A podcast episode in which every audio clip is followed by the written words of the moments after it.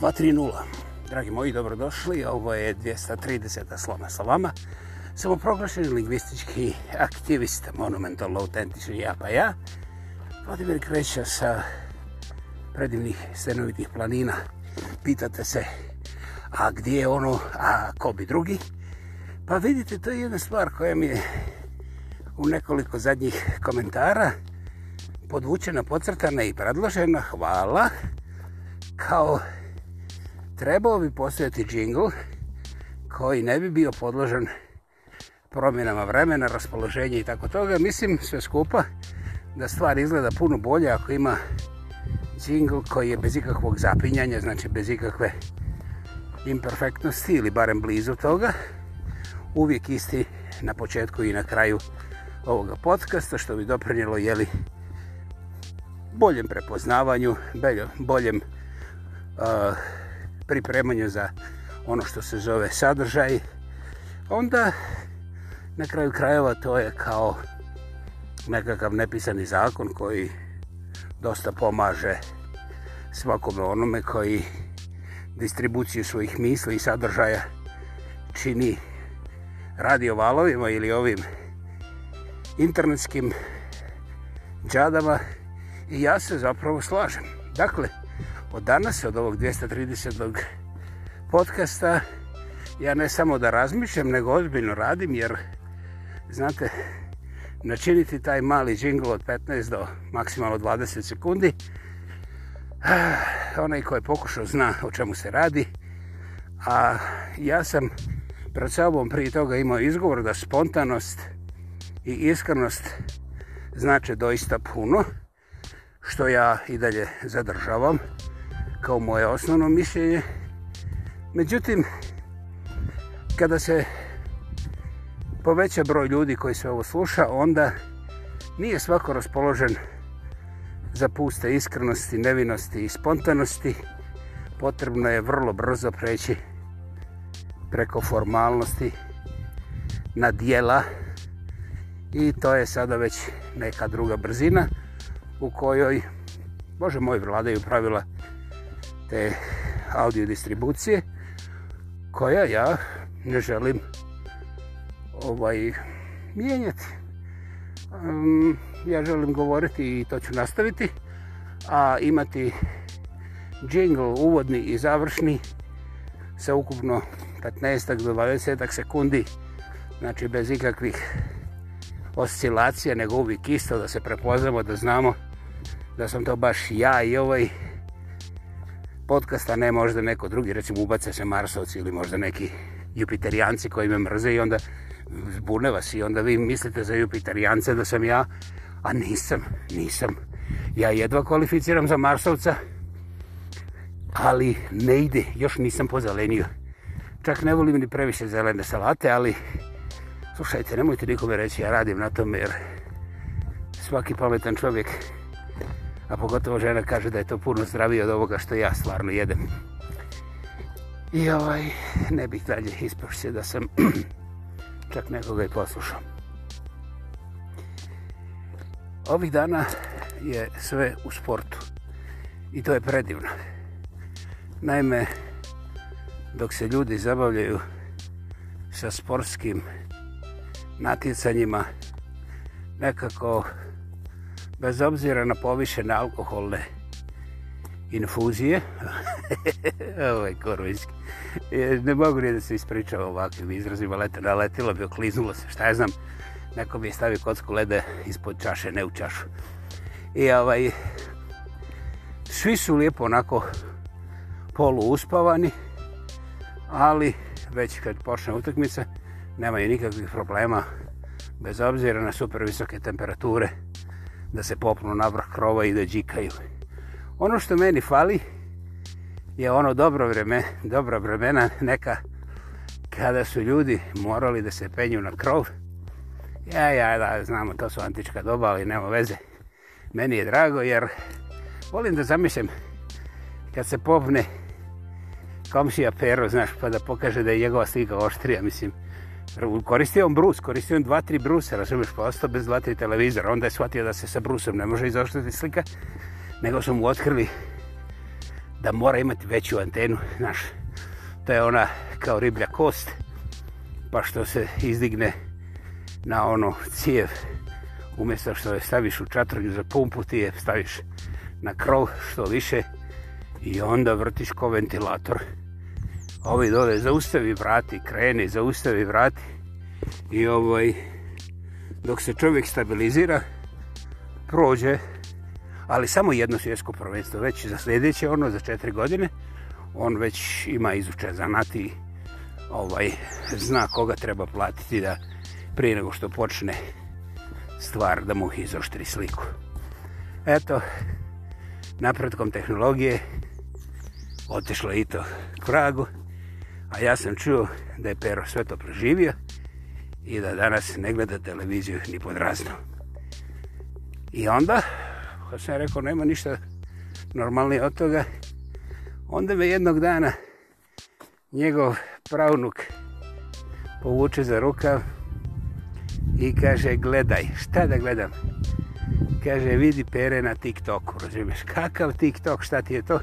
Inače, ja sam čuo za taj TikTok, ali nekako sam kapriciozan pa ah, kod YouTube-a i Facebooka šta će mi još nešto ovaj, i tu ima svega previše i tamo ne bi trebalo biti. uglavnom na tom TikToku ima jedan kraći filmčić jedva 40-50 sekundi Jed Pero sjedi izvuku svoga junačkog Samsunga i gledi šta gledi Ovaj, I to je tajna što ne dira televiziju ni slučajno. Što nije u kući, da, da, to ima svoje. A šta gledi, ja vam to ne bi mogao govoriti i objašnjavati. To su ovako neke stvari ovaj, od toga, mislim, državnog značaja, jel? Uglavnom, pitam ja onda tog njegovog, da li je unuk ili pravnog, svejedno, pa što se sakriva sa tim telefonom iza sjena što bježi od kuće? Kaže, ako pitaš babu, ovaj, ona pojma nema da on koristi bilo kakve te uređaje. Oni inače ne vole nikakvu elektroniku. Pa kako ovaj koristi ovo? Kaže, pa lijepo, iza sjena.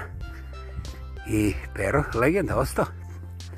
A ovaj, priča nije izmišljena. Iza sjena on izvuče svog junačkog Samsunga i surf po World Wide, wide Webu, razumiješ ti mene, svuda po svijetu.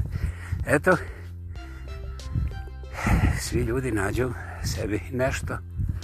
A mene je ovo, ne znam, prošao sam kroz sve lepeze nekakvih emocija, ali na kraju na kraju mi je nekako veselo. Jer vrlo star čovjek ima šetnju, onda mora da se snalazi kako da puni baterije, da mu to baba ne otkrije. I onda pronalazi vremena, znači vježba svoj mozak, kad niko nije tu i odlazi iza sjena i gleda šta mu je drago gledati. Naučio i koristiti internet, ne samo televiziju. Eh, pitate me ko je snimio taj film za TikTok. Pitao sam ja to onog njegovoga. Kaže on, ne znam, ja ne bih ti to mogo reći. To je komplicirano, ali eto, samo da znaš. Ovaj, smije se čovjek. A Bože moj, što ne bi, i ja bi. I eto, tako je to pero vjerovatno sada sagledao i u... Ovo nije korona. Sagledao u ovome, kako se to zove, u ovim ozbiljnim stvarima koje se zovu, Bože moj, svjetska takmičenja ovoga ljeta, a najvažnije je ono koje je evropsko nogometno prvenstvo. Dakle, ovaj, zašto ja to zovem svjetskim? bez obzira što je evropsko, jeste svjetsko, jer cijeli svijet gleda. Eto, to je ta matematika riješena. I ovaj, onda ljudi pripremaju sada malo veselije ljeto, jer ovo svjetsko sportsko događanje upravo rašistilo još neke stvari a izgleda da je korona popustila. Dakle, to je još jedan razlog da izađemo vani, da budemo veseli, sretni, presretni, da budemo svoji. Pa ako hoćeš pomalo i njihovi. I ovo ljeto zapravo nekako, barem meni, ima ukus nečega što je bolje i naprednije i nekako otpornije na pandemiju nego prošlog ljeta. Istovremeno, ja se, mada ja nisam virolog i ni blizu nekak, nekakvom medicinskom stručnjaku, ja se bezpogovorno slažem sa gospodom koja pominju nemojte odmah jedni drugi da ljubite pogotovo ne pretjerano nemojte da trčite da otkinete odmah sve što niste uspjeli prošlog ljeta. Nemojte ni za jedan moment pomisliti da je ovo zlo od korone definitivno prošlost i da je zadnji ples otplesan. Ja naravno ne želim negirati ni slučajno nevjerovatne uspjehe. Jer doista smatram uspjesima koji se prije nisu vidjeli da je toliko vakcina u godinu dana poruđeno cijelom čovječanstvu. Onda da te vakcine govorili, šta god govorili o njima, imaju prije svega jednu efikasnost koja čak i kod ove najlošije, je ubjedljivo i gotovo više struko bolja nego kod efikasnosti vakcine za običnu gripu. Dobro ste me čuli. Ove vakcine kontra korone su zapravo apsolutno fascinantne po svojoj učinkovitosti i meni je nejasno zašto su ljudi toliko bijesni, jer upravo te vakcine nas oslobađaju zatvora u našim vlastitim kućama. Dakle, cijela priča se svodi na to da te vakcine imaju apsolutno neprocjenjivu zaslugu u našem povratku u to nazovi normalno jer ako smatrate da će nas samo vakcine vratiti u nešto što je identično onome što je bilo prije pandemije, znate, to je vrlo naivno razmišljanje jer e, takve stvari se nikad nisu dešavale prije. Naime, potrebno je malo biti informiran da se primijeti kako pojavom biolog, biološke neravnoteže. Oprostite, ja sam se zavukao u džunglu. Sve puca. Nadam se da ja neću puknuti. Dakle, kada se biološka ravnoteža porebeti sa pandemijskim posljedicama kao što su ove, u što niko ne sumnja, onda očekivati bilo kakve identičnosti sa onim što se bilo i živjelo prije jednostavno nije realno. I ja se nadam da to nije teško primijetiti, jer tu je onda već prvi korak da izlazimo iz potpuno besmesenih teorija nekakve zavjere. I šta ja sad vama želim reći da su ovi svi pravednici okolo vas?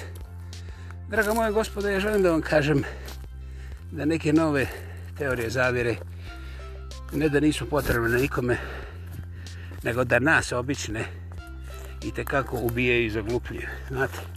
I otvaraju nas otvorenima za bilo kakvu manipulaciju. Zašto?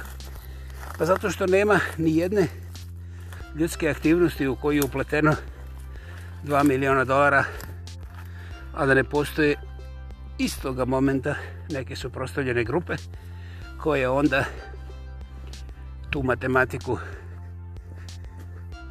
preobrate u svoj korist na različite načine i onda u javnost prospu nevjerojatnu količinu priča, pričica, tračeva, tračevićića i tako dalje.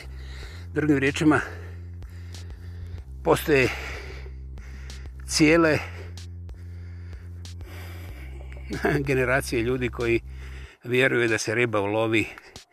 Najbolja riba se lovi samo u mutnoj vodi i to nije teorija zavjere. To je jednostavno iskustvo derača kože i oni to ne žele napustiti dok fercera, dok radi. Zašto? Zato što su sigurni da oni nemaju najpametniji trik i ovaj, ako izađu iz toga svoga trika, onda će sigurno pasti na dno, tako oni vjeruju, jer ovi drugi koji koriste neke druge trikove, su daleko iskusniji od njih. Dakle, ovi majstori mutne vode nisu nimalo primitivni. Oni samo drže inerciju dok inercije pomiče neke vrijednosti njihov dolar. Zato vas ja zamoljavam da ne gledate ko je pametan i lijep, jer to su promašeni epiteti u kojima ne možete naći suštinu mutne vode i onih riba nego da pogledate malo bolje sebe. I onda da postavite ključna pitanja. Kome treba teorija relativiteta ako nije u proizvodnji ničega što se kreće? Kome treba priča o čipovima i magnetnoj vakcini ako ne nekima koji od toga imaju direktne koristi.